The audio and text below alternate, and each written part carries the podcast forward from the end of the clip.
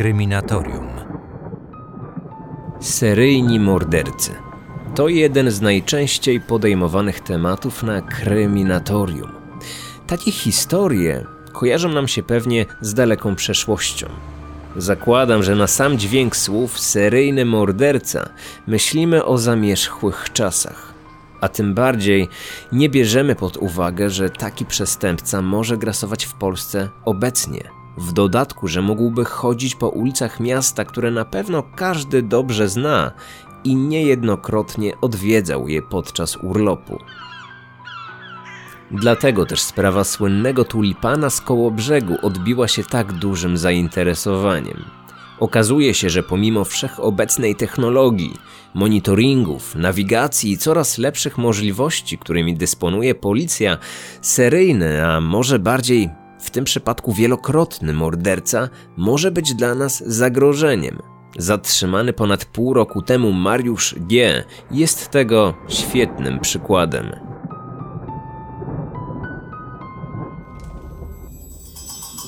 Kryminatorium.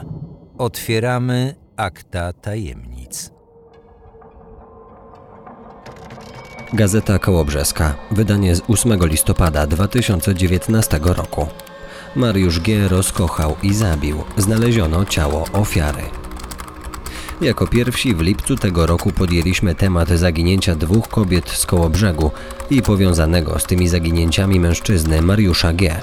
W środę 6 listopada mężczyźnie postawiono zarzut zabójstwa. Policja odnalazła ciało 54-letniej kołobrzeżanki.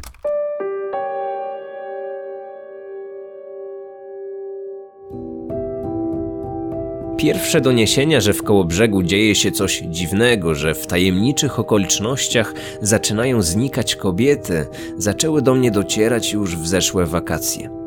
Któryś z słuchaczy na facebookowym lub instagramowym profilu Kryminatorium, na które swoją drogą Was bardzo zapraszam, podesłał mi link do informacji na ten temat.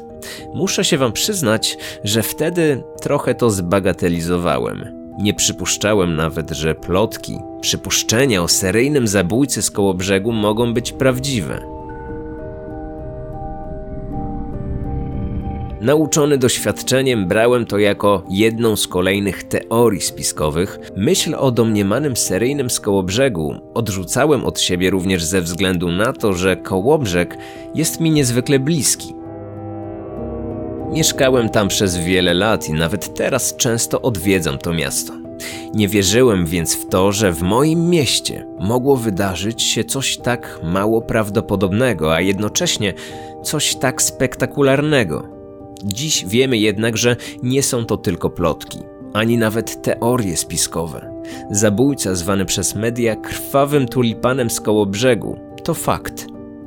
Jest to zatem ciekawy temat dla kryminatorium. Zakładam, że znacie już tę sprawę z doniesień medialnych. No nie ma innej opcji. Musieliście o tym słyszeć, bo jak wspomniałem w listopadzie temat tulipana przewijał się dosłownie wszędzie.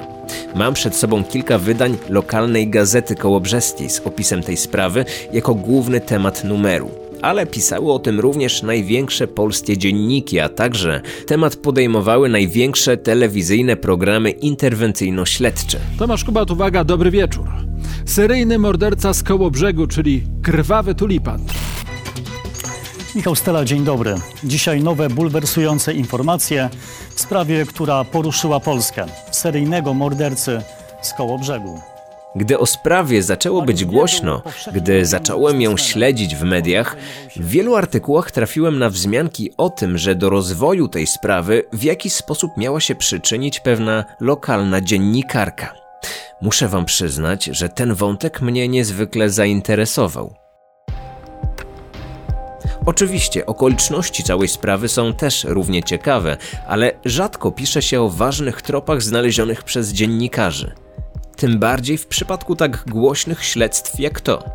Przyznajcie, że to jest dosyć ciekawy motyw. Mnie kojarzy się to z fabułą dobrego amerykańskiego serialu lub filmu, albo oczywiście powieścią kryminalną, w której to nieustępliwy reporter z małego miasteczka nie daje za wygraną i przez kilka lat zbiera informacje, aż w końcu dociera do ważnych faktów, które wpływają na rozwój śledztwa.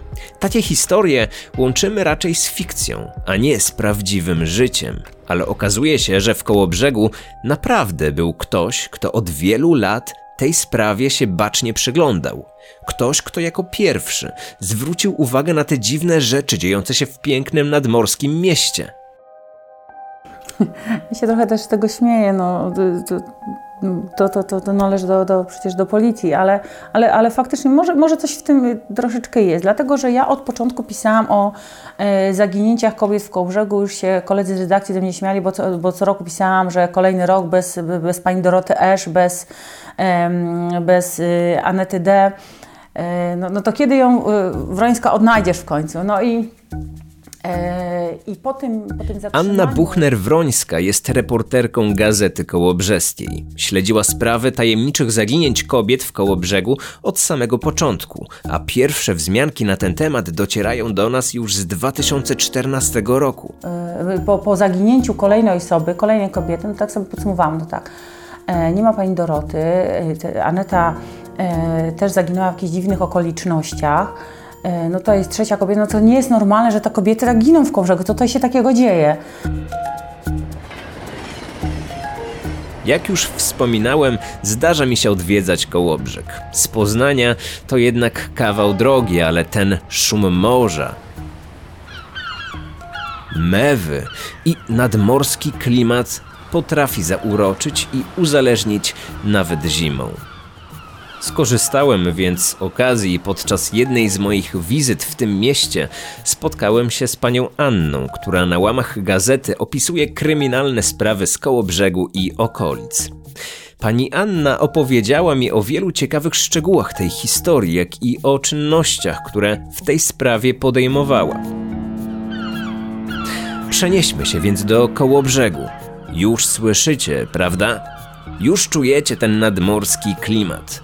Klimat miasta, które jest niezwykle piękne i urocze. Każdy z Was dobrze o tym wie, to trzeba przyznać, ale niestety przez te szeroko komentowane zbrodnie ostatnio ma nie najlepszą opinię. Te tajemnicze zaginięcia kobiet w końcu połączono z jednym mężczyzną. Mariusz G. Obecnie przebywa w areszcie. Postawiono mu zarzut zabójstwa trzech kobiet, Iwony, Anety i Bogusławy. To były osoby samotne. E, w przypadku pierwszej, drugiej, w przypadku mm, Anety K, e, Iwony K i, e, i Anety D, to były osoby samotne, zakompleksione, nie miały jakichś tam bliskich znajomych, przyjaciół, żył w swoim własnym świecie. I pewnie ym, Mariusz G. myślał, że, że nikt się nim nie będzie interesował. Miał zabijać dla pieniędzy. 23 stycznia 2016 roku. W koło brzegu znika 32-letnia Iwona K. Iwona K. przyjechała tutaj z Polski, prawda? Nikt jej tutaj nie znał. To była osoba anonimowa, w ogóle to, w ogóle to kobieta widmo, bo jak ja zapytam policji, dlaczego informacja o zaginionej w 2016 roku e, kobiety do tej pory się, ona się pojawiła e, dopiero na stronach e, w bazie osób zaginionych, powiem w, październiku 2019 roku, a od 16 nie było. I, komenda policji w Warszawie też mi nie potrafiła odpowiedzieć dlaczego. Oficjalnie zaginięcie tej dziewczyny zgłosił, co prawda pół roku po zaginięciu, to pół roku po zaginięciu zgłosił ojciec. Nie, nie wiem dlaczego. Taka kobieta widmo, nikt nie wiedział. W ogóle była. Dopiero się okazało, jak znaleźli jej szczątki nie? w lesie harzyńskim. To jedna z ofiar Mariusza G. Najprawdopodobniej jego pierwsza ofiara. Wychowywała się w domu dziecka, została adoptowana. Nie mieszkała w Kołobrzegu od urodzenia. Przyjechała tutaj z Warszawy w 2015 roku. Miała córkę, ale dziecko jeszcze przed jej przyjazdem do Kołobrzegu trafiło pod opiekę dziadków. Iwona nie miała stałej pracy. Próbowała swoich sił jako hostessa, między innymi, i najprawdopodobniej za pośrednictwem wystawianych w sieci ogłoszeń poznała się z Mariuszem G. Co ciekawe, Iwona mieszkała w bloku w centrum miasta, a w tym samym budynku mieszkał ojciec Mariusza. Kobieta prowadziła rozrywkowy tryb życia. Sąsiedzi wspominają, że w jej mieszkaniu często odbywały się imprezy, które były powodem wielu konfliktów. Na początku 2016 roku w mieszkaniu kobiety wybuchł pożar. Potem ślad po niej zaginął, a jej mieszkanie przejął nie kto inny jak Mariusz G. 10 października 2018. W koło brzegu dochodzi do zaginięcia 37-letniej Anety D. Skryta, nieśmiała, ale co najważniejsze dla Mariusza, posiadała mieszkanie w centrum miasta. Nieruchomość wartą przynajmniej 200 tysięcy złotych. Kobieta nagle znika bez śladu. Do jej bliskich przychodzą SMSy z numeru Anety, w których ta rzekomo tłumaczy swoją nieobecność. Wyjechałam. Proszę, nie szukajcie mnie. Dziwna, niezrozumiała i niespodziewana decyzja. Tym bardziej, że Aneta nie zabiera ze sobą ani walizki, ani paszportu. Jednak policja ustala, że jej telefon logował się na przejeździe granicznym w Kołbaskowie, obok Niemiec. Była to przesłanka za tym, że Aneta rzeczywiście mogła wyjechać z kraju. Po zniknięciu Anety dziwnym trafem jej mieszkanie staje się własnością Mariusza. W jaki sposób do tego doszło? To bada prokuratura. Albo Mariusz przed zabójstwem zmusił Anetę, aby ta przepisała na niego mieszkanie, albo już po jej śmierci, posługując się jej dowodem osobistym i korzystając z pomocy podstawionej kobiety, która za Anetę miała się podawać, ukartował notarialne przepisanie mieszkania. 7 czerwca 2019. W koło brzegu dochodzi do zaginięcia 54-letniej Bogusławy R. Bogusława nie pasowała profilem do poprzednich ofiar. Była to osoba dobrze zarabiająca, pracowała w jednym z najbardziej luksusowych hoteli w mieście. Miała też bliskich znajomych i rodzinę i to okazało się kluczowe, ponieważ te osoby zaniepokoiły się nagłym zniknięciem. Ten mężczyzna został, zatrzymany yy, po, po, jakoś po, zagin po zaginięciu pani Bogusi R to du dużą robotę e, odwaliła tutaj rodzina tej zaginionej kobiety. Wiem, że oni chodzili, tropili, e, ciągle jakieś nowe fakty przedstawiali policji i prokuraturze i w końcu doszło do zatrzymania e, Mariusza e, G. Udało się powiązać jego osobę i, i, i zaginięcie pani Bogusi R. A sprawa z sprzedażą mieszkania no to wyszła przy okazji po prostu. E, I udało się ustalić, no, no, no że, że, że Mariusz G. ma mieszkanie zaginionej kobiety, bo w jego rękach było mieszkanie zagin zaginionej w październiku 2018 Anety. Nie? Może Mariusz G. w pewnym momencie poczuł się zbyt pewnie i nie zdając sobie sprawy z tego, że rodzina tak łatwo nie odpuści, postanowił zabić.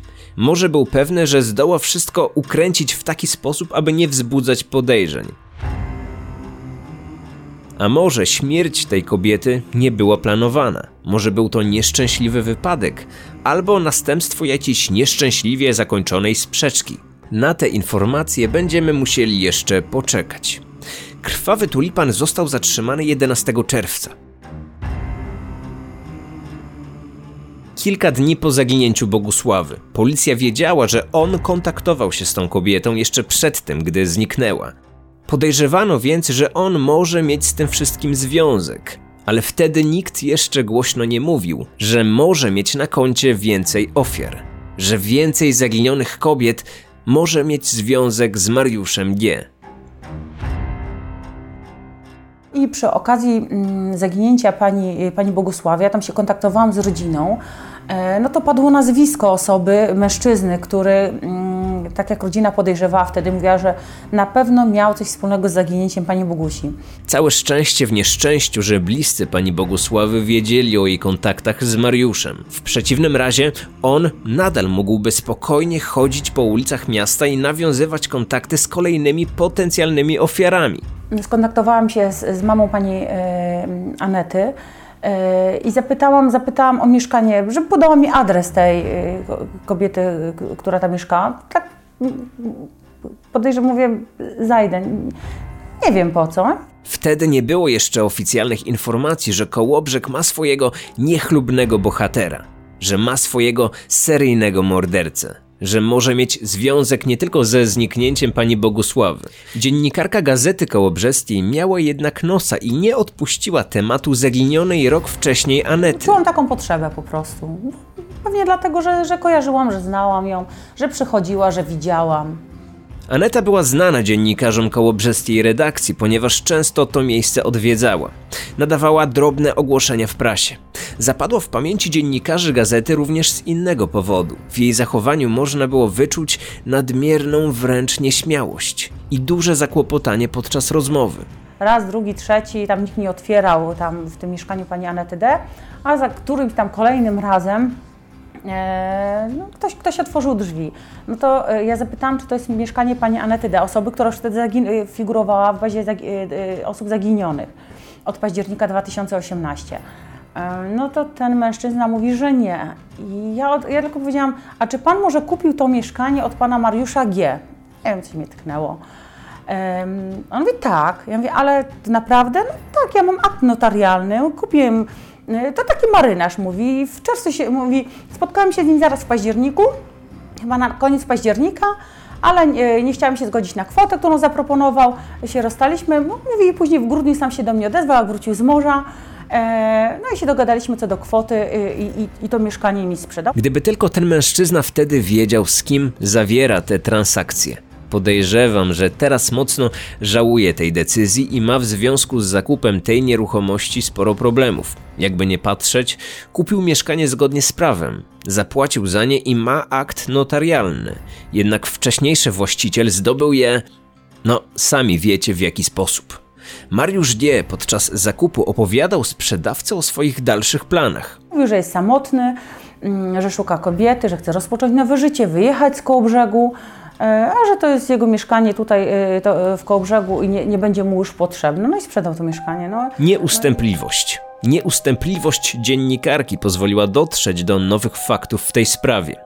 Podejrzewam, że śledczy z czasem i tak powiązaliby ze sobą te dwa tajemnicze zaginięcia kobiet. A może wpadli już na ten trop wcześniej, jednak jeżeli nowy właściciel mieszkania Anety nic na ten temat nie wiedział, możemy założyć, że nie był przesłuchiwany. Cała sprawa była dla niego wtedy wielkim zaskoczeniem i dowiedział się o tym dopiero od pani Anny. No i w ten sposób y, udało się właściwie powiązać zaginioną y, y, Anetę D z, z, i zaginioną Bogusię R z tym samym mężczyzną, z Mariuszem, z Mariuszem G. No i ja to przekazałam prokuraturze wtedy. I Aneta D, chociaż wcześniej rodzina nie wiedziała, że Aneta D ma cokolwiek wspólnego z Mariuszem G, bo on, oni się razem nie prowadzali. Wiemy w takim razie, w jaki sposób połączono dwa ostatnie zabójstwa, ale co z pierwszym zaginięciem? Kiedy ustalono, że zaginiona w 2016 roku Iwona to jedna z ofiar krwawego tulipana? Nikt o tym nic nie mówił, bo w ogóle zaginiona Iwona Kato przy, przy, wyszła przy okazji, kiedy prokuratura okręgowa w, Kosz, w Szczecinie udzielała, zaczęła udzielać informacji, że są że dwie osoby i nagle i, i trzecia osoba jeszcze. No ale jaka to trzecia? No i tak wszyscy zaczęli nerwowo szukać i ja gdzieś tam znalazłam mm, na stronie właśnie Komendy Głównej Policji, nawet nie naszej kołobrzeskiej, em, zaginioną Iwonę K. E, skontaktow- Nigdzie nie było żadnej wzmianki o niej. Znalazłam jedną, jedyną wzmiankę w Biuletynie Informacji Publicznej GOPS-u w tej miejscowości, z której ona pochodziła. Zadzwoniłam tam. No i się okazało, że tak, że, że była taka dziewczyna, e, że wyjechała, że nie ma, że zniknęła. No i tak udało się dotrzeć do tego, że ona później się pojawiła tu w Kołobrzegu, że mieszkała faktycznie. No i że też, też padła ofiarą e, Mar- Mariusza G. Mariusz najprawdopodobniej nie działał sam. Dosłownie kilka dni po tym, gdy został zatrzymany, miał wziąć ślub. I mówi się o tym, że ta jego ówczesna narzeczona mogła o wszystkim wiedzieć, a nawet mu pomagać. Pomagać mógł mu również jego znajomy, u którego znaleziono samochód jednej z zabitych kobiet. W bagażniku pojazdu śledczy zabezpieczyli narzędzie zbrodni. Czy zatem Mariusz dokonał zabójstwa z kolegą? Czy ów kolega przetrzymywał tylko auto, które dostał od Mariusza i nic nie wiedział o zbrodni?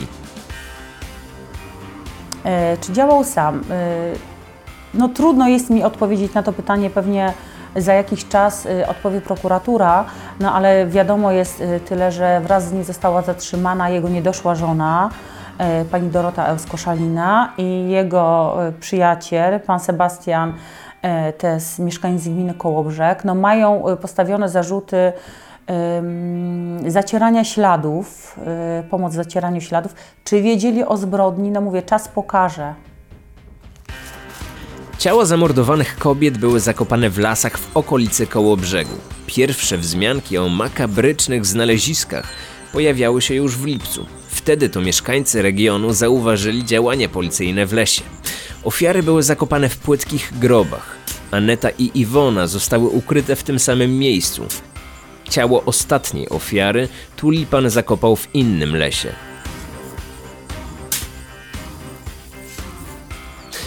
Dobrze, Powiedzieliśmy sobie trochę o ofiarach. Warto więc teraz wspomnieć, kim był sprawca. Jakim człowiekiem był ten słynny Mariusz G., czyli krwawy tulipan z koło brzegu, jak ochrzciły go media. Ja osobiście go nie, nie znałam, widziałam, widziałam chyba człowieka może raz, raz w życiu, dlatego że prowadził um, taką fabrykę słodyczy w Kołbrzegu Karmelowo i tam dzieci z każdej szkoły kobrzeskiej chodziły, same robiły lizaki. To tam gdzieś tam się E, Ostatecznie manufaktura słodyczy karmelowo zbankrutowała, ale po wpisaniu tej frazy w goglach wciąż można znaleźć jakieś pozostałości po tym biznesie. Gdy teraz patrzę na zdjęcia tego lokalu, przypominam sobie, że sam kiedyś to miejsce odwiedziłem. Zajrzałem tam z ciekawości, gdy przechodziłem obok. Nie kupiłem żadnego lizaka i nie zapamiętałem też osoby, która stała wtedy za ladą, ale rzeczywiście, Karmelowo w tamtym czasie było dosyć znanym i popularnym miejscem w mieście. Jednak nie na tyle popularnym, aby się utrzymać. Czy był zamożny? Nie mam pojęcia. Miał, miał to Karmelowo tutaj w Kołbrzegu, produkował lizaki, ale, ale zbankrutował. Z czego później żył? Nie mam pojęcia. W medialnych doniesieniach często przewijają się informacje, jakoby to Mariusz G. był marynarzem, że pływał na statkach sejsmicznych, takich, które na szerokich wodach szukają złóż ropy naftowej. Miał na tym bardzo dobrze zarabiać. On opowiadał o tym i, i na stronie Lindykena e, chyba jest informacja o tym, że e, na jakich statkach pływał, gdzie był, w jakich miejscowościach ale to nie jest potwierdzone. To jego znajomi też nie potrafili tego potwierdzić, że, że, że gdziekolwiek pływał. Może zaraz po ukończeniu szkoły. Może była to tylko jedna z kolejnych opowiadanych przez niego bajek. Faktem jest natomiast to, że skończył szkołę średnią morską w Kołobrzegu. W zamyśle miał więc być marynarzem. Kołobrzeskie Technikum ZSM, czyli Zespół Szkół Morskich, to obok Gdańska, Darłowa, Świnoujścia i Szczecina jedna z czterech tego typu placówek w kraju. Uczniowie przez cztery lata chodzą na lekcje w czarnych marynarskich mundurach a kierunek, który miał skończyć Mariusz po zdaniu egzaminu zawodowego w teorii pozwala na to, aby zaraz po technikum trafić na statek i zarabiać jako marynarz. Teoretycznie jest więc możliwe, że Mariusz pływał i w ten sposób pozyskiwał środki na swoje utrzymanie. Mówiło się również o tym, że skończył wyższą uczelnię.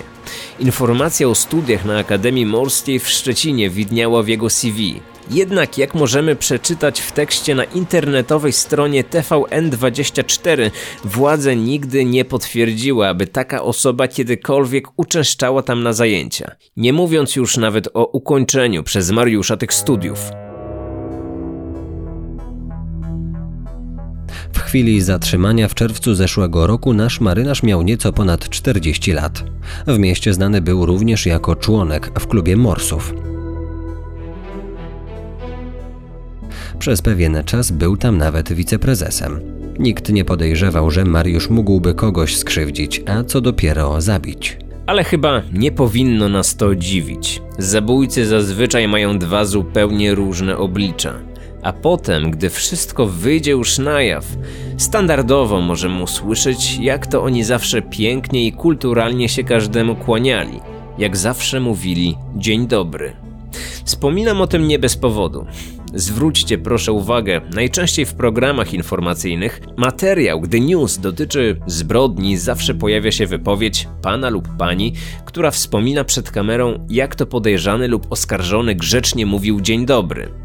Tak jakby te codzienne, kurtuazyjne przywitania miały nam cokolwiek powiedzieć o naturze człowieka. Tak po prostu mi się teraz skojarzyło. W każdym razie dziś w Kołobrzegu o Mariuszu G wiedzą wszyscy. I ci, którym mówił dzień dobry, i ci, którzy nigdy w życiu na żywo go nie widzieli. Ale wiele osób teraz dumnie przekonuje, że kiedyś spotkali Mariusza na swojej drodze. Pan w warzywniaku sprzedawał mu owoce, a miła pani w kiosku gazety.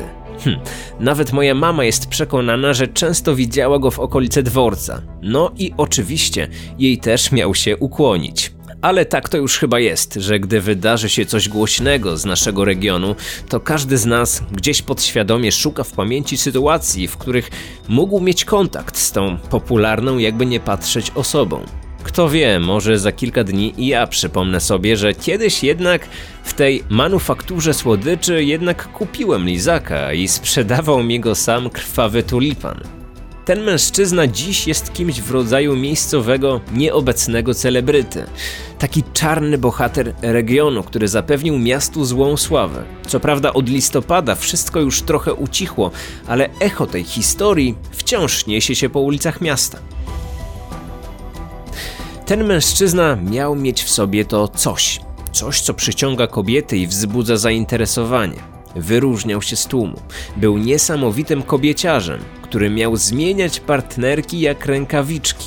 Miał zdolność w uwodzeniu i skrzętnie to wykorzystywał. Jak mówią osoby, które go znały, które miały z nim kontakt poprzez Kołbrzeski Klub Morsa, po prostu był takim bawidamkiem. Lubił kobiety, miły, sympatyczny, aczkolwiek bardzo, bardzo pedantyczny. Jak zapraszał znajomych do swojego, do swojego mieszkania, to po prostu nie było tam nawet grama kurzu i jak, y, nie, nie można było nic odstawić na nie swoje miejsce po prostu. No, tak pilnował porządku, był, był wręcz pedantyczny po prostu.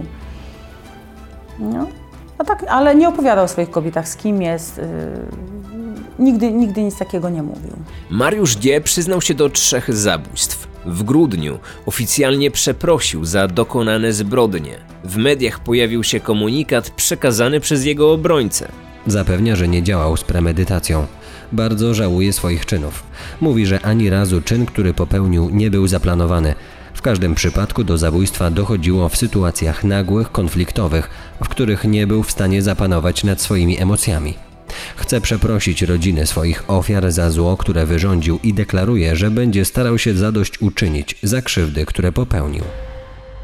Mariusz G. podkreśla, że nigdy nie działał z chęci przejęcia majątku swoich ofiar, ani nie wzbogacił się na ich śmierci. Mówił, że między nim a jego późniejszymi ofiarami dochodziło do rozliczeń, których szczegółów nie znam. Też pisaliśmy o tym, że, że, że Mariusz G. prosi o wybaczenie rodziny ofiar.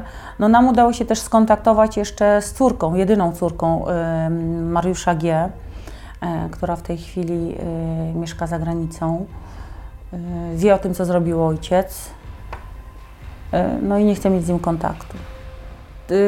Ona jeszcze z nim jakiś czas mieszkała w Kołobrzegu, bo on się rozwiódł e, z matką mm, tej, tej dziewczyny. E, Ona tutaj przez jakiś czas mieszkała, miała praktyki w jednym z hoteli. Wiem, że on tam jakieś dokumenty przynosi, także on tam, ona z nim pomieszkiwała. Ale później, nie wiem, różne okoliczności były, że, że po prostu wyjechała za granicę, tam przebywa ze swoim obecnym partnerem. No i tak jak mówi, nie chce, nie chce mieć żadnego kontaktu z ojcem. Mówiła, żeby zgnił w więzieniu za to, co zrobił. Że nie potrafi mu wybaczyć i matka też nie, i i żona jego była też nie chce mieć z nim żadnego kontaktu. Teraz pozostaje nam już tylko czekać na sądowy proces. Proces, który na pewno odbije się szerokim echem. Nie wyobrażam sobie, aby Mariusz G. usłyszał inny wyrok niż dożywocie.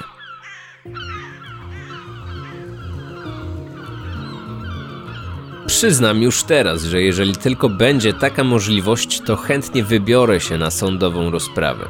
A jeżeli tak się stanie, to pewnie również ją dla Was tutaj w podcaście lub na kanale zrelacjonuję. Niezależnie czy będzie się odbywać w Szczecinie czy w Koszalinie, okoliczności tej sprawy są tak nietypowe, że nie mógłbym sobie odmówić udziału w takim wydarzeniu. Ale to jeszcze nie koniec. Zanim spotkałem się z panią Anną, sprawdziłem bazę osób zaginionych Itaki. Byłem ciekawy, czy na terenie naszego miasta w ostatnich latach doszło również do innych tajemniczych zniknięć. Ostatnie miejsce pobytu. Koło, brzeg, enter, szukaj. W bazie wyskakuje tylko jeden wynik. To Dorota Szymczak, zaginiona w 2014 roku. Miała wtedy 46 lat. Obecnie, jeżeli żyje, ma 51. W serwisie znajduje się jej zdjęcie. To zdjęcie z dowodu osobistego. Jest dosyć niska, ma 150 cm wzrostu i ma piwne oczy. Między innymi takie informacje możemy tutaj na temat tej sprawy znaleźć. Informacje na ten temat, o tym zaginięciu, próbuję również znaleźć na oficjalnej stronie policji. Jeżeli wynik pokaże się także i tutaj, w policyjnej bazie, będzie to oznaczać, że jest to sprawa nadal aktualna, że wciąż trwają policyjne poszukiwania. Przynajmniej z założenia powinno tak być ponieważ zdarza się, że w tej policyjnej bazie zaginionych dostępnej dla internautów czasem można znaleźć także zaginięcia nieaktualne, takie, w których poszukiwania już się zakończyły. Dorota Szymczak znajduje się w bazie. Poza tym samym zdjęciem jak w Itace, jest tutaj również opis jej wyglądu oraz kontakt do jednostki prowadzącej poszukiwania. Zaginęła dwa tygodnie przed Wigilią w 2014 roku. Tulipan z kolei swoją pierwszą ofiarę zabił mniej więcej rok później, bo w styczniu 2016. W waszych głowach teraz pewnie już też pojawia się to pytanie. Czy zaginięcie Doroty Szymczak z Kołobrzegu może mieć związek z postacią Mariusza G? Mm, prokuratura nie potwierdza, nie zaprzecza. E, są osoby, które, tak, e, tak, tak jak mówiłam wcześniej, są osoby, które twierdzą, że Mariusz G. mógł znać zaginioną, zaginioną Dorotę. Czy znał? Nie mam pojęcia. No czas pokaże. No, prokuratura w tej chwili no, nie, nie, nie udziela zbyt wielu. Zresztą te informacje z prokuratury od samego początku były szczątkowe. Uważam to za mało prawdopodobne. Przypomnę, że śledczy maglują Mariusza już ponad pół roku. Zakładam, że jeżeli miałby na sumieniu jeszcze jedną kobietę, to przyznałby się i do tego. Co on ma teraz właściwie do stracenia? Wie, że i tak najprawdopodobniej dostanie najwyższy wymiar kary. Prokuratura ma niezbite dowody i on na pewno nie marzy nawet o uniewinnieniu lub niskim wyroku. Ale kto wie, może wówczas ktoś mu pomagał, a on chce chronić te osoby i dlatego nie przyznaje się do związku z zaginięciem z końcówki 2014 roku. Na razie mamy nieoficjalne informacje, że Mariusz D. mógł tę zaginioną kobietę znać, ale w związku z tym, że mieszkali w tym samym mieście, jest to prawdopodobne i nie jest to żaden dowód. No, na pewno śledczy wezmą również i tę sprawę pod uwagę. To wszystko tylko dywagacje. Jestem ciekawy, jakie jest wasze zdanie na ten temat. Czy krwawy tulipan ma na koncie więcej ofiar? Czy jego narzeczona i znajomi pomagali mu dokonywać zbrodnie, czy jednak o niczym nie wiedzieli? O swoich przemyśleniach możecie pisać m.in. na facebookowej grupie Kryminatorzy albo pod materiałem na YouTube, który pojawi się, tak jak zawsze, z dwutygodniowym opóźnieniem w porównaniu do publikacji na Spotify. Na dziś to już wszystko. Teraz zabieram się za tworzenie kolejnych historii, które będziecie mogli usłyszeć na Kryminatorium w nadchodzące poniedziałki. A do sprawy tulipana na pewno jeszcze wrócimy. Kryminatorium. Otwieramy akta tajemnic.